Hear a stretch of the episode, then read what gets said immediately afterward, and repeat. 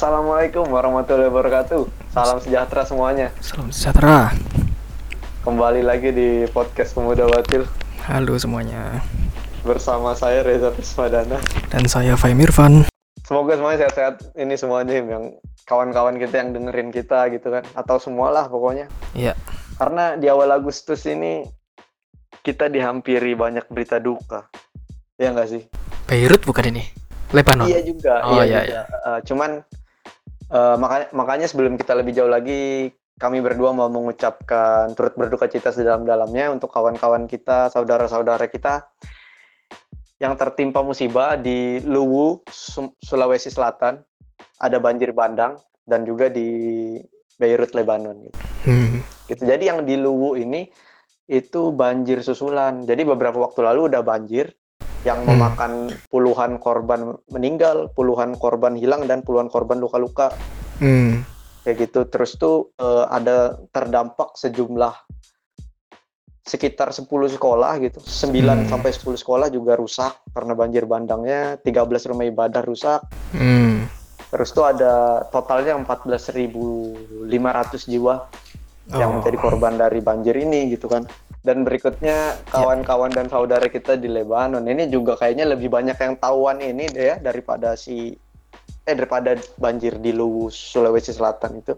Ya, soalnya kan memang seluruh TV, seluruh medsos ini memang ini diberitakan terus, tapi ya memang Ya, besar banget ini.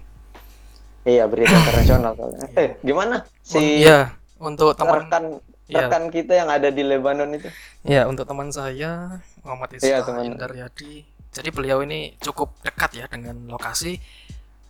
eh cuman kena dampaknya, bukan cukup dekat untuk kena ininya, kena sampai eh, maksudnya eh, bergetarnya dapat, kemudian angin dapat, Hmm. kemudian kaca-kaca yang pecah itu juga dapat. Cuma nggak sampai sampai Waduh. sampai ledakan kena itu alhamdulillah nggak sampai. Semoga beliau Tapi sehat beliau ya. Ya kemarin sudah saya kontak bagaimana ini Beirut. Ya beliau cerita alhamdulillah cuma itu dampaknya cuma itu itu aja gitu. Oh, alhamdulillah. Alhamdulillah. Alhamdulillah. Jadi Aman. kan katanya yang di Beirut ini eh, terjadi apa ya dua ledakan besar dari pinggiran kota Beirut itu Ya ya. yang berasal dari sebuah gudang gitu kan Hmm. kemudian si dua ledakan besar ini membuat apa gelombang ledakan besar lain gitu ke seluruh kota yang katanya sih ini barusan saya tadi baca itu katanya menewaskan 78 orang Hmm. Dan ribuan lain orang luka-luka terus Iya. tuh skala kerusakan kotanya besar dan Hmm. bermil-mil Iya. bahkan si perdana menterinya Lebanon Hasan Diab itu mengatakan kayak ini hari berkagum wah, berkabung nasional Hmm. Eh, oh ya asal ledakannya itu dari pabrik Kembang eh api. sorry dari gudang Gudang kembang api.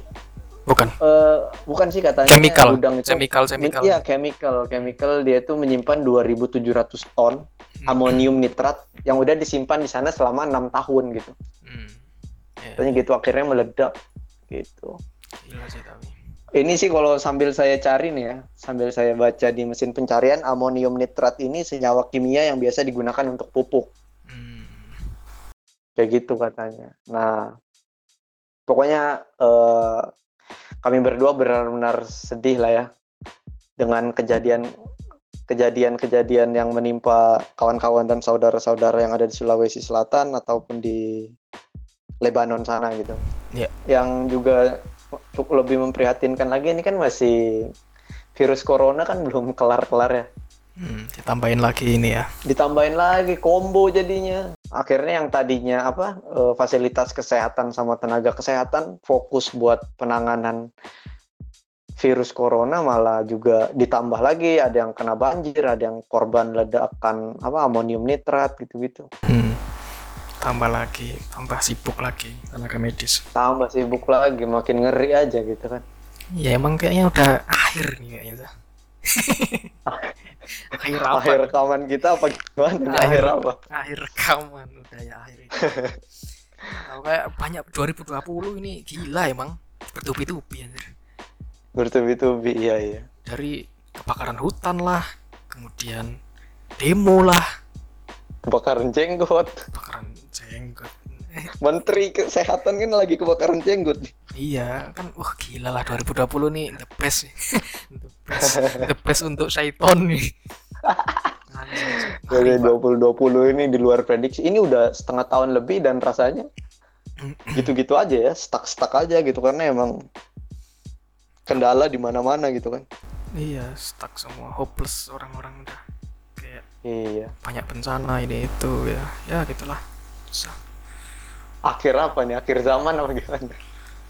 Ya enggak juga sih kan tidak ada yang tahu juga akhir zaman kan kecuali suku Maya gitu kan yang mengklaim tahu akhir zaman sekarang 2020 ini 8 tahun berlalu nah, tapi Iya. kayak ini kan maksudnya eh, itu kan Lebanon sama Indonesia kan cukup jauh gitu ya hmm. walaupun kita sama-sama Asia kita kan Tenggara mereka kan Asia Barat gitu Hmm.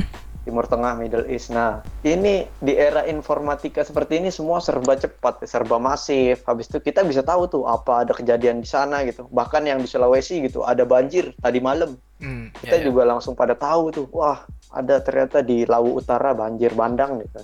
Hmm. Gitu-gitu eh, memang apa dengan cepatnya informasi apa kejadian di berbagai tempat gitu kan. Ya.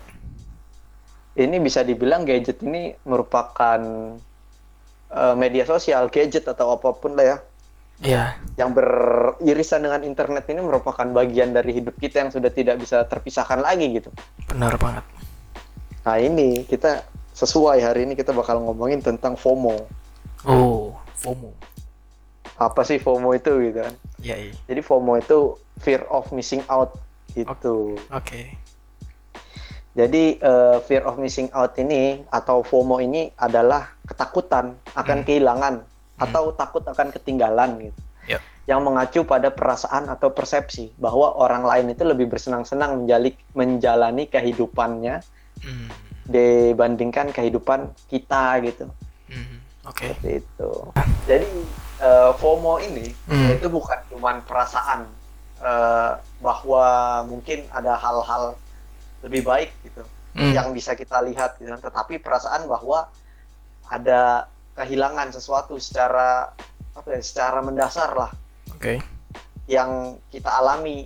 Jadi kalau kita nggak ngelihat misalnya media sosial teman kita gitu, teman kita misal lagi apa menikah gitu, terus kita itu nggak ngelihat kita itu penasaran atau apa. Pokoknya kalau kita nggak ngelihat kejadian entah dari teman kita atau di mana pun gitu yang dari apa ya dari internet media sosial gitu gitu iya iya. Kita merasa kehilangan nah itu tuh kita tuh FOMO. Hmm. merasa kehilangan informasi tertentu di informasi sekitar kita. eh, tertentu. Misal anda menikah gitu terus tuh Hmm. saya tuh istri saya tidak ngeliat- tahu kalau saya menikah gitu. Oh, bukan poligami dong poliandri kalau anda istrinya yang suami dua. Anjir. Gitu jadi tentang misalnya eh, teman kita party gitu atau teman kita dapat promosi di tempat kerja atau dan lain-lain lah. Kalau kita nggak ngelihat gitu kita merasa kehilangan gitu. Hmm. mungkin kayak kepo gitu tapi udah parah keponya. Kayak kita tuh pengen tahu terus kehidupan orang lain gitu. Wah dia udah ini dia udah promosi dia udah promosi kerja dia udah tunangan dia udah bla dia udah bla gitu. Bukan bukan iri ya tapi lebih ke pengen tahu informasi apa pengen sih tahu eh, yang eh, jadi kalau terjadi? kehilangan bener. Oke. kalau dia kehilangan? Hmm.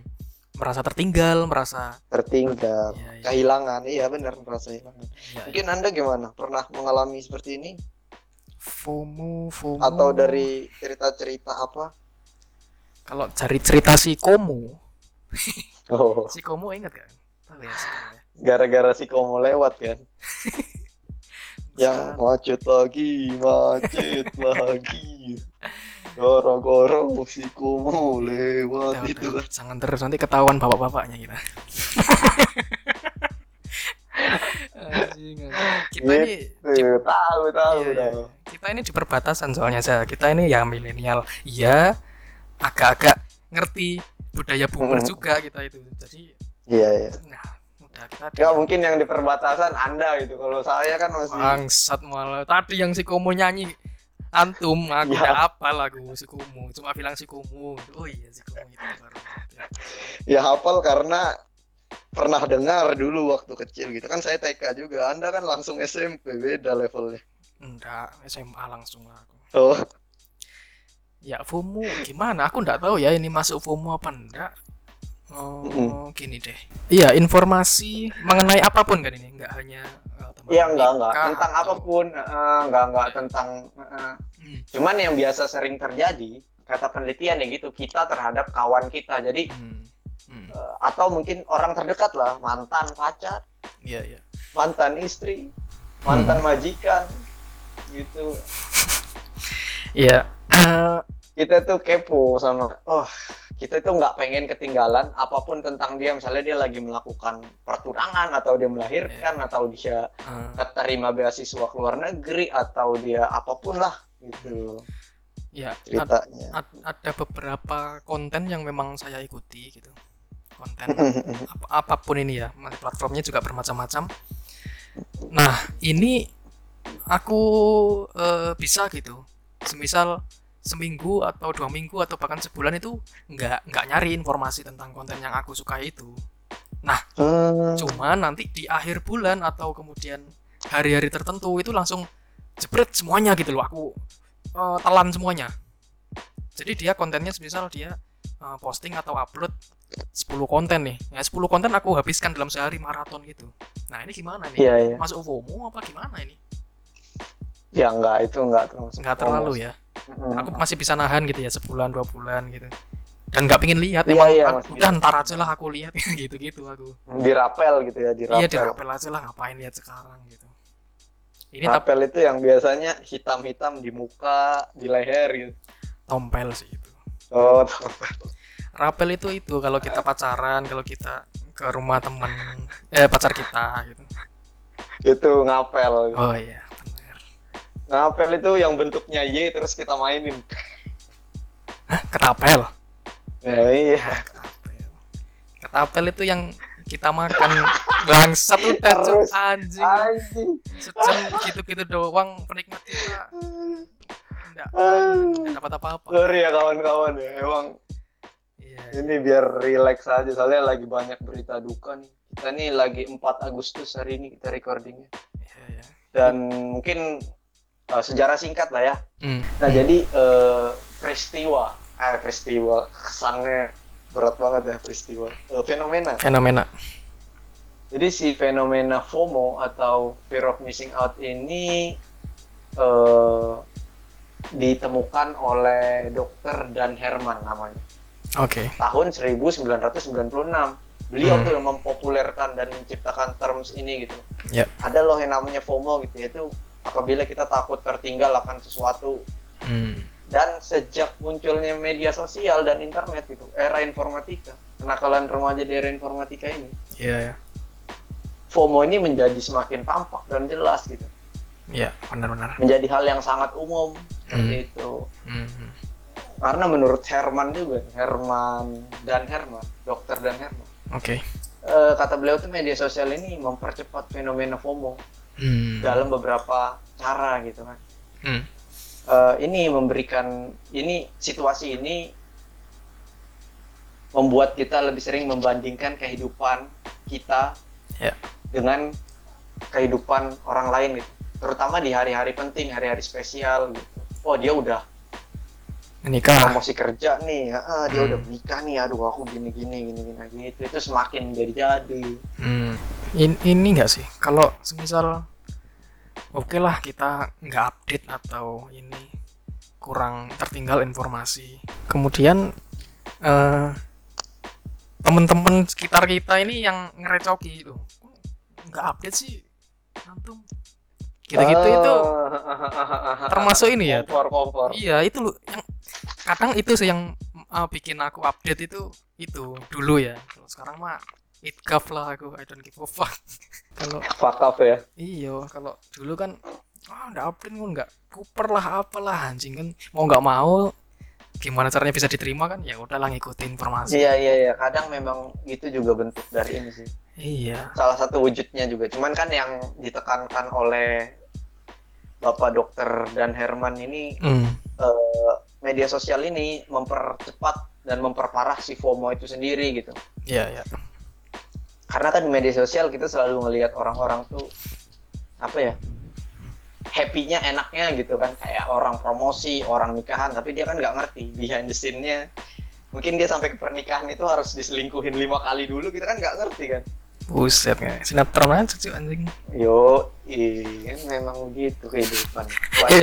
Ya nggak begitu semua ya ada yang lancar-lancar dong iya ada yang lancar-lancar cuman kan umumnya ada penderitaan dulu gitu sebelum mencapai yang manis-manis gitu ada prosesnya. Gitu. nah orang tuh kan dengan media sosial tuh eh, masa bodoh sama itunya. Tapi dia lebih ke wah ya anjing si ini udah gini si ini udah gini gitu kan. Aduh gimana nih gimana nih? Gitu. Ya apalagi yang diposting di media sosial kan apa yang paling bagus yang diposting. iya iya iya benar benar. Bukan prosesnya atau gagalnya nggak mungkin lah orang Proses. gagal Heeh. di posting gitu ya kecuali dia komedian gitu kan. Orang biasa mah di posting ya apa yang paling bagus? Ada foto seribu eh foto seratus seratus kali foto. Yang di, di foto ya yang terakhir yang paling terakhir yang paling bagus gitu. enggak paling tiga terbaik yang diambil gitu. Iya gitu.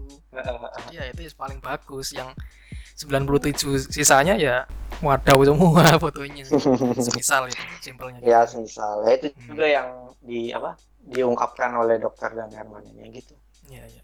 FOMO ini memperparah tadi situasi sosial jadi kita tuh semakin eh, apa kita itu malah semakin tenggelam ke dalam hal-hal itu yang tidak nyata dibandingin kita ngumpul dengan semisal saudara kita ibu bapak kita gitu katanya sih Hmm. Makanya saya tanyakan kepada anda gitu. Kan Saudara- anda pernah nggak tadi ternyata nggak pernah katanya. Pernah. Antum paling ini yang dekat kehidupan Saya- sos- sosial anda kan. Lah. kalau saya itu momentum momentum. Gimana? jadi Hmm. semisal eh, lagi ah misalnya lagi ada pertandingan sepak bola gitu. Hmm. itu saya selain nonton saya juga buka yang namanya Facebook atau Twitter gitu. Soalnya berita di sana di Facebook atau Twitter tuh update-nya per second kan per detik.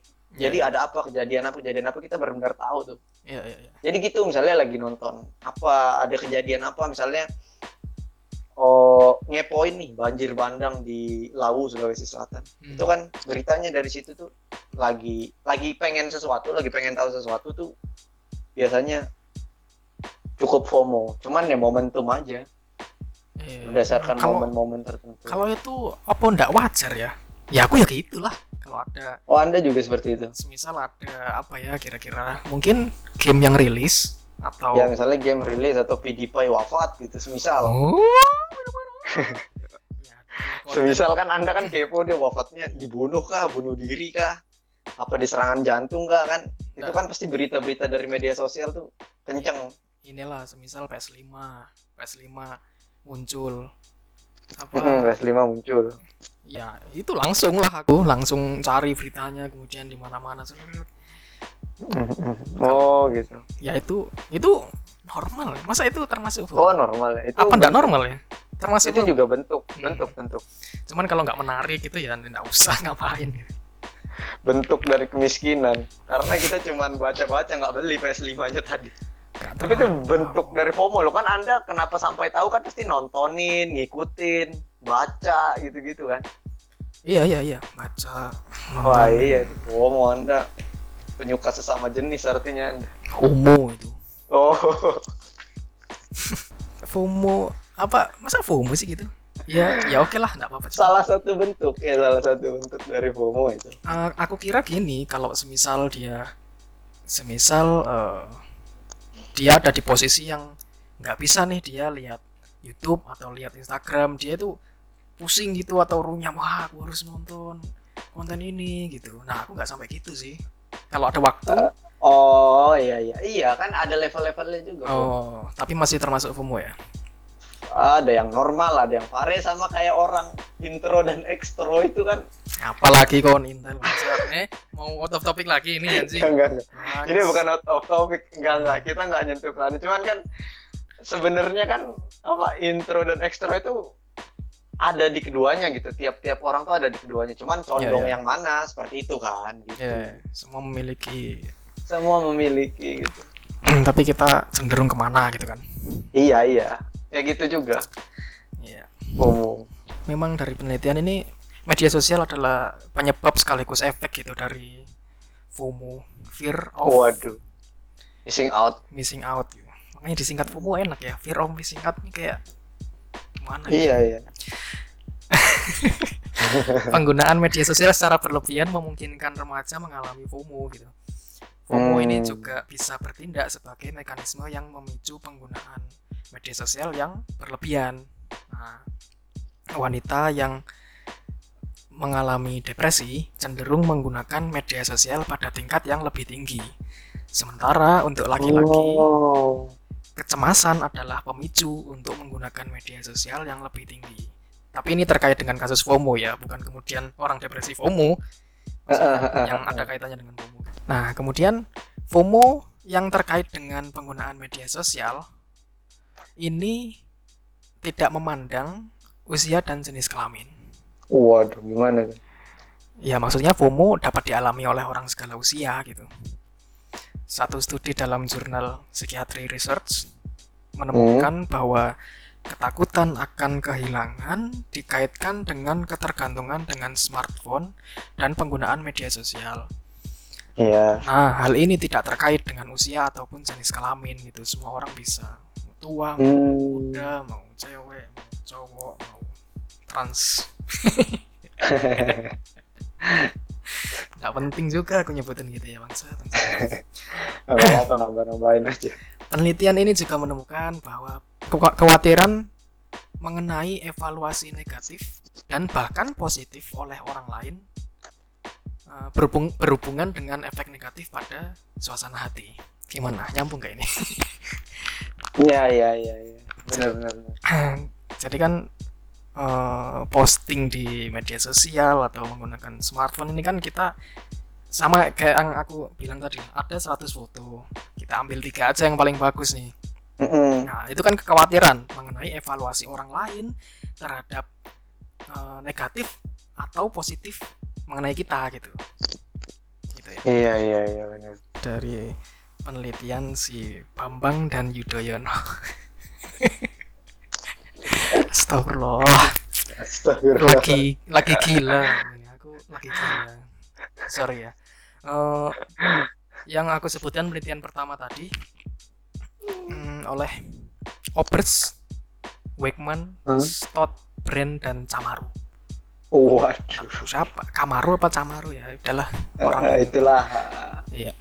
Kamaru. Ini dari jurnal Negative Consequence. Artinya dia semenjak si Kamaru semenjak nggak jadi polisi jadi peneliti ya. Sebenarnya dia dulu jadi peneliti. Cuman Heeh. dia jadi polisi, kemudian jadi artis, kemudian jadi bubur nih. Memang penurunan sih. Emang dia suka Oh. menurun gitu. Bagus lah jadi peneliti kan jadi polisi oke lah. Jadi artis ya boleh lah. Dulu jadi tukang Boleh bubur. lah cuannya gede. Tukang bubur. Ya kalau naik haji, kalau enggak iya. Tukang bubur enggak naik haji lagi ya. Enggak bisa disinetronkan. Dia kan bukan polisi lagi, aman lah aku enggak ditangkap. Ngawur. Dan ya, namanya Kamaru soalnya anjir itu. Iya, Kamaru A tapi Kamaru A, Oh, bukan Kamaru N. Kalau Kamaru N, N kan. Kamaru Norman. oh A siapa? Arman. Kamaru Arman. Ya, ini yang ini yang kebalikannya dia tukang bubur ya, kemudian jadi polisi, jadi artis, kemudian jadi peneliti. Bagus lah Kamaru A nih. Boleh, boleh, boleh, boleh. Satunya itu goblok. Enggak, enggak bercanda. Ya. Kemudian yang kedua tadi penelitian oleh Wolniewicz, Waduh. Tiamiyu, Wicks dan Elhey. Jadi katanya Iya. ini ada juga uh, fear of missing out ini uh, terkait dengan perasaan uh, rendah diri Hmm, atau oke. kebutuhan yang tidak terpenuhi Oke. se- serta perasaan hidup yang tidak puas. Ya gitu sih. Intinya mah ketidakpuasan hidup gitu. Akhirnya kita mencari-cari kepuasannya itu. Nah, itu juga salah satu faktor yang menyebabkan FOMO. kita FOMO, fear of missing out itu menurut dari aduh namanya susah ini. Kamaru. Bukan, per Perbleski, Andre dan Cow. Oke. Karena kita tidak Ya. puas, kita mencari Ya. kepuasan dari orang lain. Gimana sih caranya? Ya tadi kita dengan cara ngepoin orang apa puasnya ngepoin iya kan orang kan masing-masing gitu ada yang dia tidur ada yang dia baca buku ada yang dia harus melihat nggak pengen kehilangan gitu nggak maksudnya cara memenuhi kebutuhan yang kurang nih ada titik kosong tuh di batinnya gitu nah itu mungkin dia dengan cara ngeliatin waduh temanku udah sampai sini temanku udah gini udah nikah gitu. Tapi aneh ya maksudnya kan bukannya harusnya mereka tambah anxiety ya? Enggak tahu makanya lihat. aku menanyakan nih sesat pikir apa gimana orang-orang ini? Ya tapi manusia namanya memang gitulah. Apa kebanyakan ada menganggur kali dia? Terlalu banyak bahaya menganggur. menganggur ya.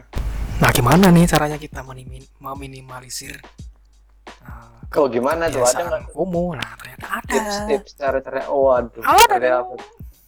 kenapa saya bilang ini kalau nggak ada kan? Oh. kan begitu. Ya. Ya, jadi memang ada kalanya keterlibatan dengan media sosial secara berlebihan membuat kita merasa eh, lebih buruk tentang diri kita, memiliki anggapan lebih buruk tentang diri kita dan hidup kita, bukan lebih baik gitu. iya. Nah, gimana caranya? Eh, tidak. Agar meminimalisir FOMO? Hmm. Hmm, gimana ya? Orang aneh anjing nggak jadi MC nggak cocok sama sekali bangsat aku. Iya iya Jangan anda kantoran biasa emang makanya. iya iya nggak suka juga sebenarnya kantoran tapi ya udahlah. Yang pertama ya ubah fokus kita. Nah ubah fokus kita. Ini tahu kan kalau di kamera itu kalau ngeblur gitu ya. Ya kenapa Heh, anjing aku ngelawak? oh ya enggak kirain kayak mau analogi gitu kan kayak kamera tuh kalau ngeblur eh, nge- ngeblur artinya gini-gini nah begitu juga di kehidupan kita kirain mau gitu Iya. ternyata enggak ya jadi ubah fokus kita seperti Iya. apa tuh misalnya Ya gini, jadi daripada kita fokus pada apa yang kurang dari diri kita, hmm. cobalah perhatikan apa yang eh, kita miliki gitu. Jangan fokus pada yang kita nggak miliki. Ya tapi memang ini lebih mudah diucapkan sih daripada dilakukan gitu. dilaksanakan Ya, apalagi di media sosial, iya di mana kita memang mungkin ngomong tuh enak Iya, ngomong tuh Cuk. enak ngomong itu enak. bukti itu susah Mm-mm. Seperti yang tapi masih banyak orang yang kemakan sama omongan ya. mimpi-mimpi janji-janji Iya, iya, eh nggak usah lah ya keluar topik jangan jangan iya nggak apa-apa, biar lama. Eh.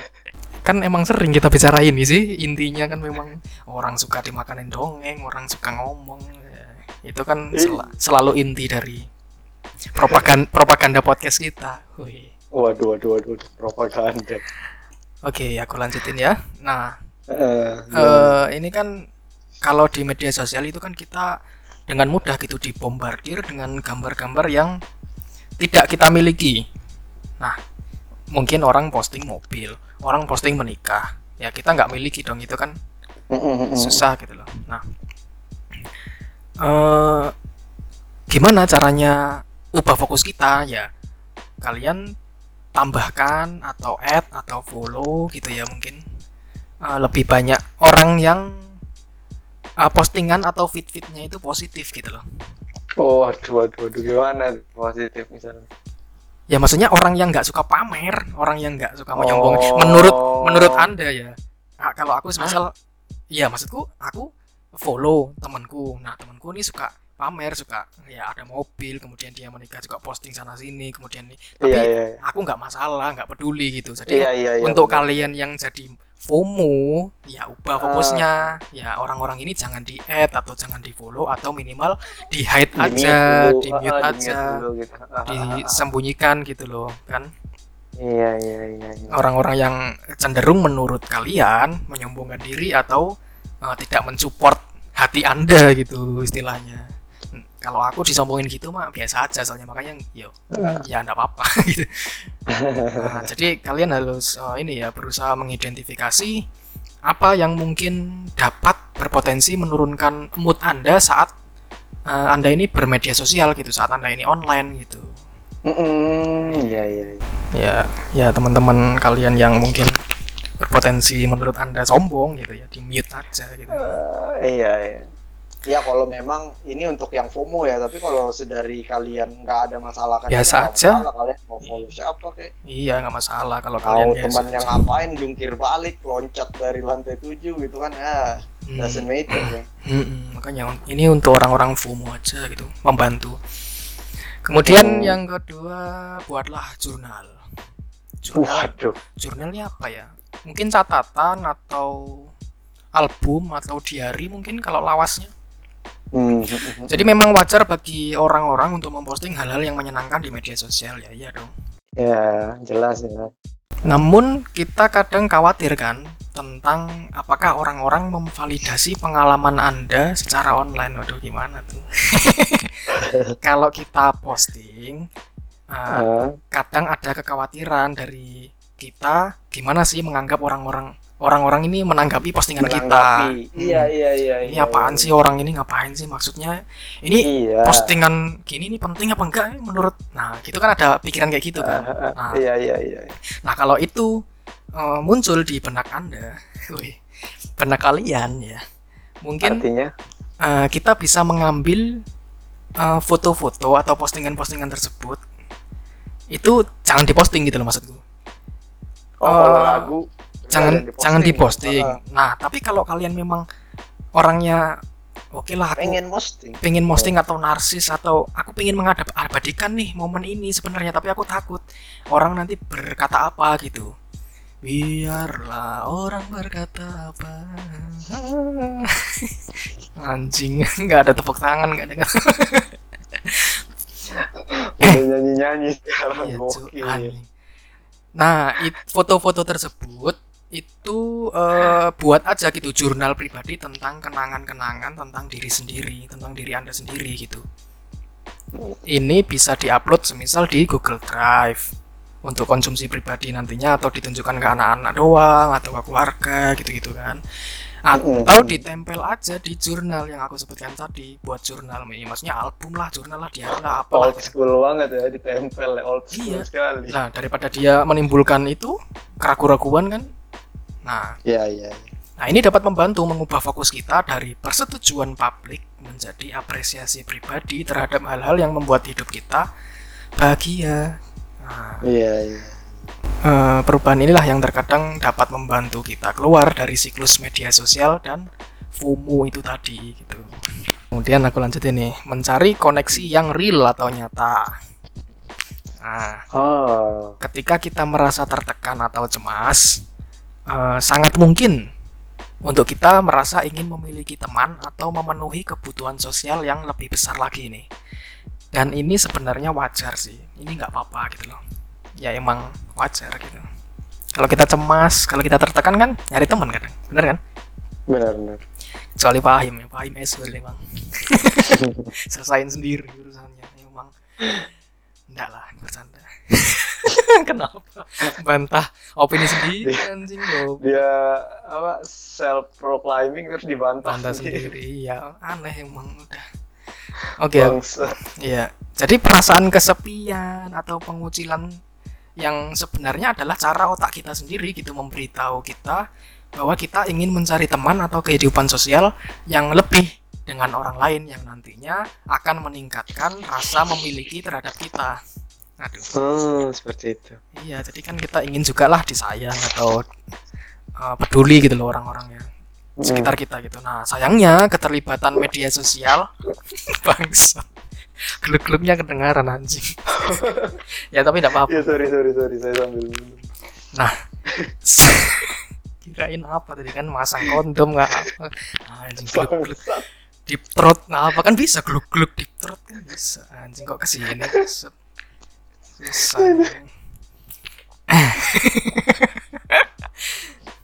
Kepikirannya sampai ke situ. Iya. Nah, Lanjut. Ini sayangnya keterlibatan media sosial tidak selalu merupakan cara untuk mencapai hal ini. Ini gini ya teman-teman maksudnya kita cari temennya itu maksudnya ya real gitu loh. Jangan nyari temennya eh semisal Facebook di grup Facebook yang nggak jelas gitu.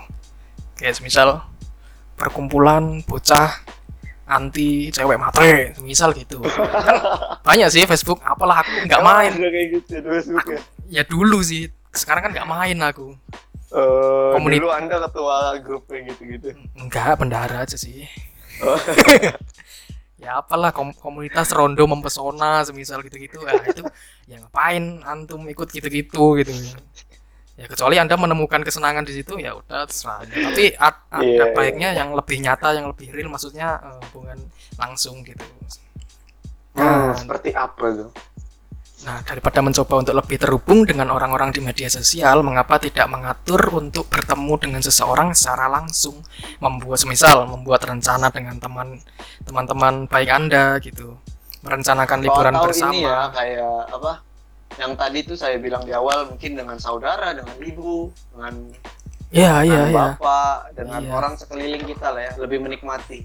Ini ini ya, nggak memungkiri sih di zaman serba cepat gini, serba instan, susah juga gitu. Kita mungkin ada kerja, ada tugas kuliah, susah juga kita merencanakan liburan atau mau nongkrong atau mau apalah itu emang susah juga. Nah, Eh, akhirnya si media sosial ini jadi alternatif gitu ya, eh, eh, gitu. Eh, untuk tetap bisa bertemu, untuk tetap bisa terjalin gitu daripada harus apa iya. ya, memotong pertemanan gitu kan? Iya, jadi gitu. Ngerti nggak memotong pertemanan?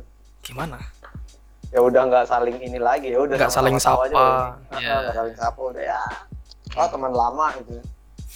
Ya itu makanya sebenarnya agak saya pribadi agak gimana gitu dengan istilah teman lama kalau saya teman ya teman nggak ada lama nggak ada baru ya teman ya sama teman wis. Oke, kayak gitu mau Ya. kotak-kotakan teman kan ya tapi ya udahlah ya ya udahlah ya. Ini mesti alasan. Ya mungkin soalnya kalau tell Iya. the truth Hmm. aduh Enggak, tapi ada dong mesti teman Reza yang katakanlah lupa atau nggak sapa lagi ada dong pasti. Iya merekanya kalau sayanya mah Oh, dari pihak Reza sendiri sebenarnya. saya nggak pernah ah, kalau saya kenal saya ini pasti tetap seperti biasa tetap Hmm. tegur sapa tersenyum apa Ya, 3 S ya 5 S Senyum sapa salam salam. senyum sapa Seks. Loh, ketawa. tawuran Ya, ya. ya. ya, Ya. itulah salah Ya, ya begitulah pokoknya ah, lebih apa tadi ya? Lebih real. Lebih enak yang real gitu. Tapi emang susah sih kalau semisal kita sibuk ya. Itu menurutku juga nggak apa-apa gitu melalui media sosial. Cuman ini ya apa Iya, eh, iya, benar. yang lebih intim maksudnya ya semisal telepon fit call atau ya chat personal jangan di grupnya. Gitu mungkin ya. Kalau sekarang kan susah sih gitu Wah, mau nongkrong kan sudah pada sibuk semisal gitu ya kan nggak bisa- beda kota kan. Iya, Mereka nggak. beda kota terus tuh udah pada punya kesibukan masing-masing Iya iya nggak bisa benar-benar dipaksain gitu kan masa aku harus ke kota tersebut untuk nongkrong doang gitu hanya untuk kan nggak bisa. Oke iya benar-benar oke yang berikutnya lain iya eh, fokus pada rasa syukur atau rasa terima kasih. Nah penelitian ini menunjukkan bahwa terlibat dalam kegiatan yang meningkatkan meningkatkan rasa syukur. Seperti eh, apa ya? Bersyukur. Kegiatan yang meningkatkan rasa syukur seperti bersyukur ya iya dong. Nggak nggak gini. Iya iya. Eh, bersyukur memberitahu berterima kasih kepada orang lain terhadap apa yang anda miliki. Nah itu dapat meningkatkan semangat anda dan juga semua orang di sekitar anda. Maksudnya berterima kasih itu gimana ya? Eh, eh, bersyukur nih aku udah kenal sama temanku ini. Aku berterima kasih lah udah mau jadi temanku semisal. Yang model-model gitulah menye-menye aku males ngomongnya karena termehe-mehe kan. Pokoknya gitu-gitulah kalian paham lah ya. Bukan bukan anda banget ya ya sebenarnya aku banget cuman ngomong di sini agak cringe gimana gitu. Oh, kalau aku iya. ngomong sama temen kan kita dari iya. dari awal sebenarnya udah cringe kita di sini. Sebenarnya cringe sebenarnya. Tapi, ya udahlah. Rasa syukur lah rasa maksudnya alhamdulillah gitu. Kalau kalian yang Islam ya alhamdulillah aku udah eh, diberi teman-teman yang seperti ini aku udah memiliki eh, materi yang seperti ini gitu gitulah pokoknya ya. Nah hal, hal ya apa pun lah ya maksudnya kayak ya apa ya puji syukur gitu terima Iya. kasih sudah dipermudah Hmm. Fokusnya kita Gitu-gitu. ganti ke rasa terima kasih daripada kita ke mungkin blaming atau uh, desperate daripada ke sana kita fokusnya lebih ke rasa syukur gitu nah hal Iya, ini iya. hal ini berguna untuk memunculkan perasaan yang berfokus pada kelebihan yang kita miliki nah pening- peningkatan suasana hati seperti ini mungkin dibutuhkan untuk membebaskan diri dari perasaan tertekan atau cemas hal ini memungkinkan kita agar tidak lari ke penggunaan media sosial secara berlebihan dan nantinya akan menimbulkan FOMO Oh. Nah, karena kita kan udah menyadari eh, banyak loh yang sudah kita miliki gitu. Iya iya. Nah, kita mulai merasa tuh bahwa kita memiliki semua yang kita butuhkan dalam hidup. Hal ini dampaknya sangat luar biasa bagi kesehatan mental dan emosional kita gitu. Jadi intinya merasa cukup mungkin ya, merasa cukup bersyukur gitu. Iya iya iya. Kalau orang lihat postingan orang menikah atau punya mobil baru pamer kan memunculkan sikap wah aku nggak punya ini gitu mungkin ya. Jadi fokus ke Ntar comparing terhadap diri sendiri gitu yang ditakutkan maksud anda gitu. Iya, jadi mengompar akhirnya jadi menimbulkan mo- FOMO tadi itu. Iya iya iya. Bisa gitu. Gitu. Akhirnya pengen tahu terus gitu ya. Pengen tahu terus ya. Padahal ya sakit gitu. Kalau tahu sakit, kenapa pengen tahu terus ya? Aneh emang. Masokis. Pada dasarnya Bangsat. oh aja. Masa begitu anjing. Masa hati ada masokisnya Enggak juga. enggak enggak enggak. Iya, iya. Itu cuman bercandaan saya aja. Ya itulah Kayak eh, gitu, tips-tips menimi- menimi- meminimalisir sikap FOMO gitu. Ya ya. Nah, jadi intinya itu ya tentang FOMO ini luas banget. Kita kalau ngebahas FOMO sebenarnya nggak habis-habis nih. Apalagi Hmm. dengan hadirnya si media sosial itu makin memperparah yang namanya FOMO ternyata kan tadi. Im. Ya, ya.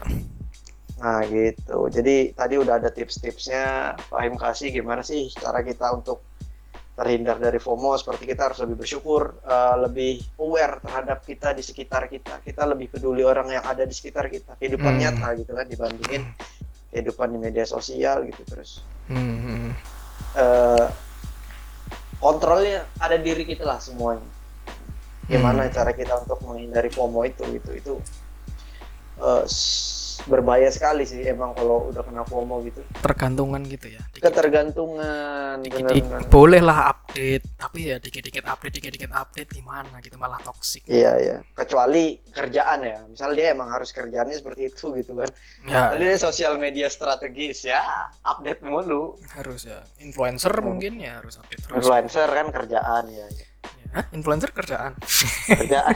iya ya oke iya Ya udah kalau gitu itu paling yang bisa kita sampaikan di bagian ini. Eh, terima kasih sudah mendengarkan. Hmm. Semoga yang kena musibah, yang sakit-sakit segera diangkat ya musibah atau sakit-sakitnya semua kembali normal dan sehat. amin Eh, kami berdua pamit undur diri. Iya, oh ya, jangan lupa apa pun yang terjadi jangan pernah lelah menyebarkan perdamaian ke mana pun kalian berada. ya Bye. bye bye bye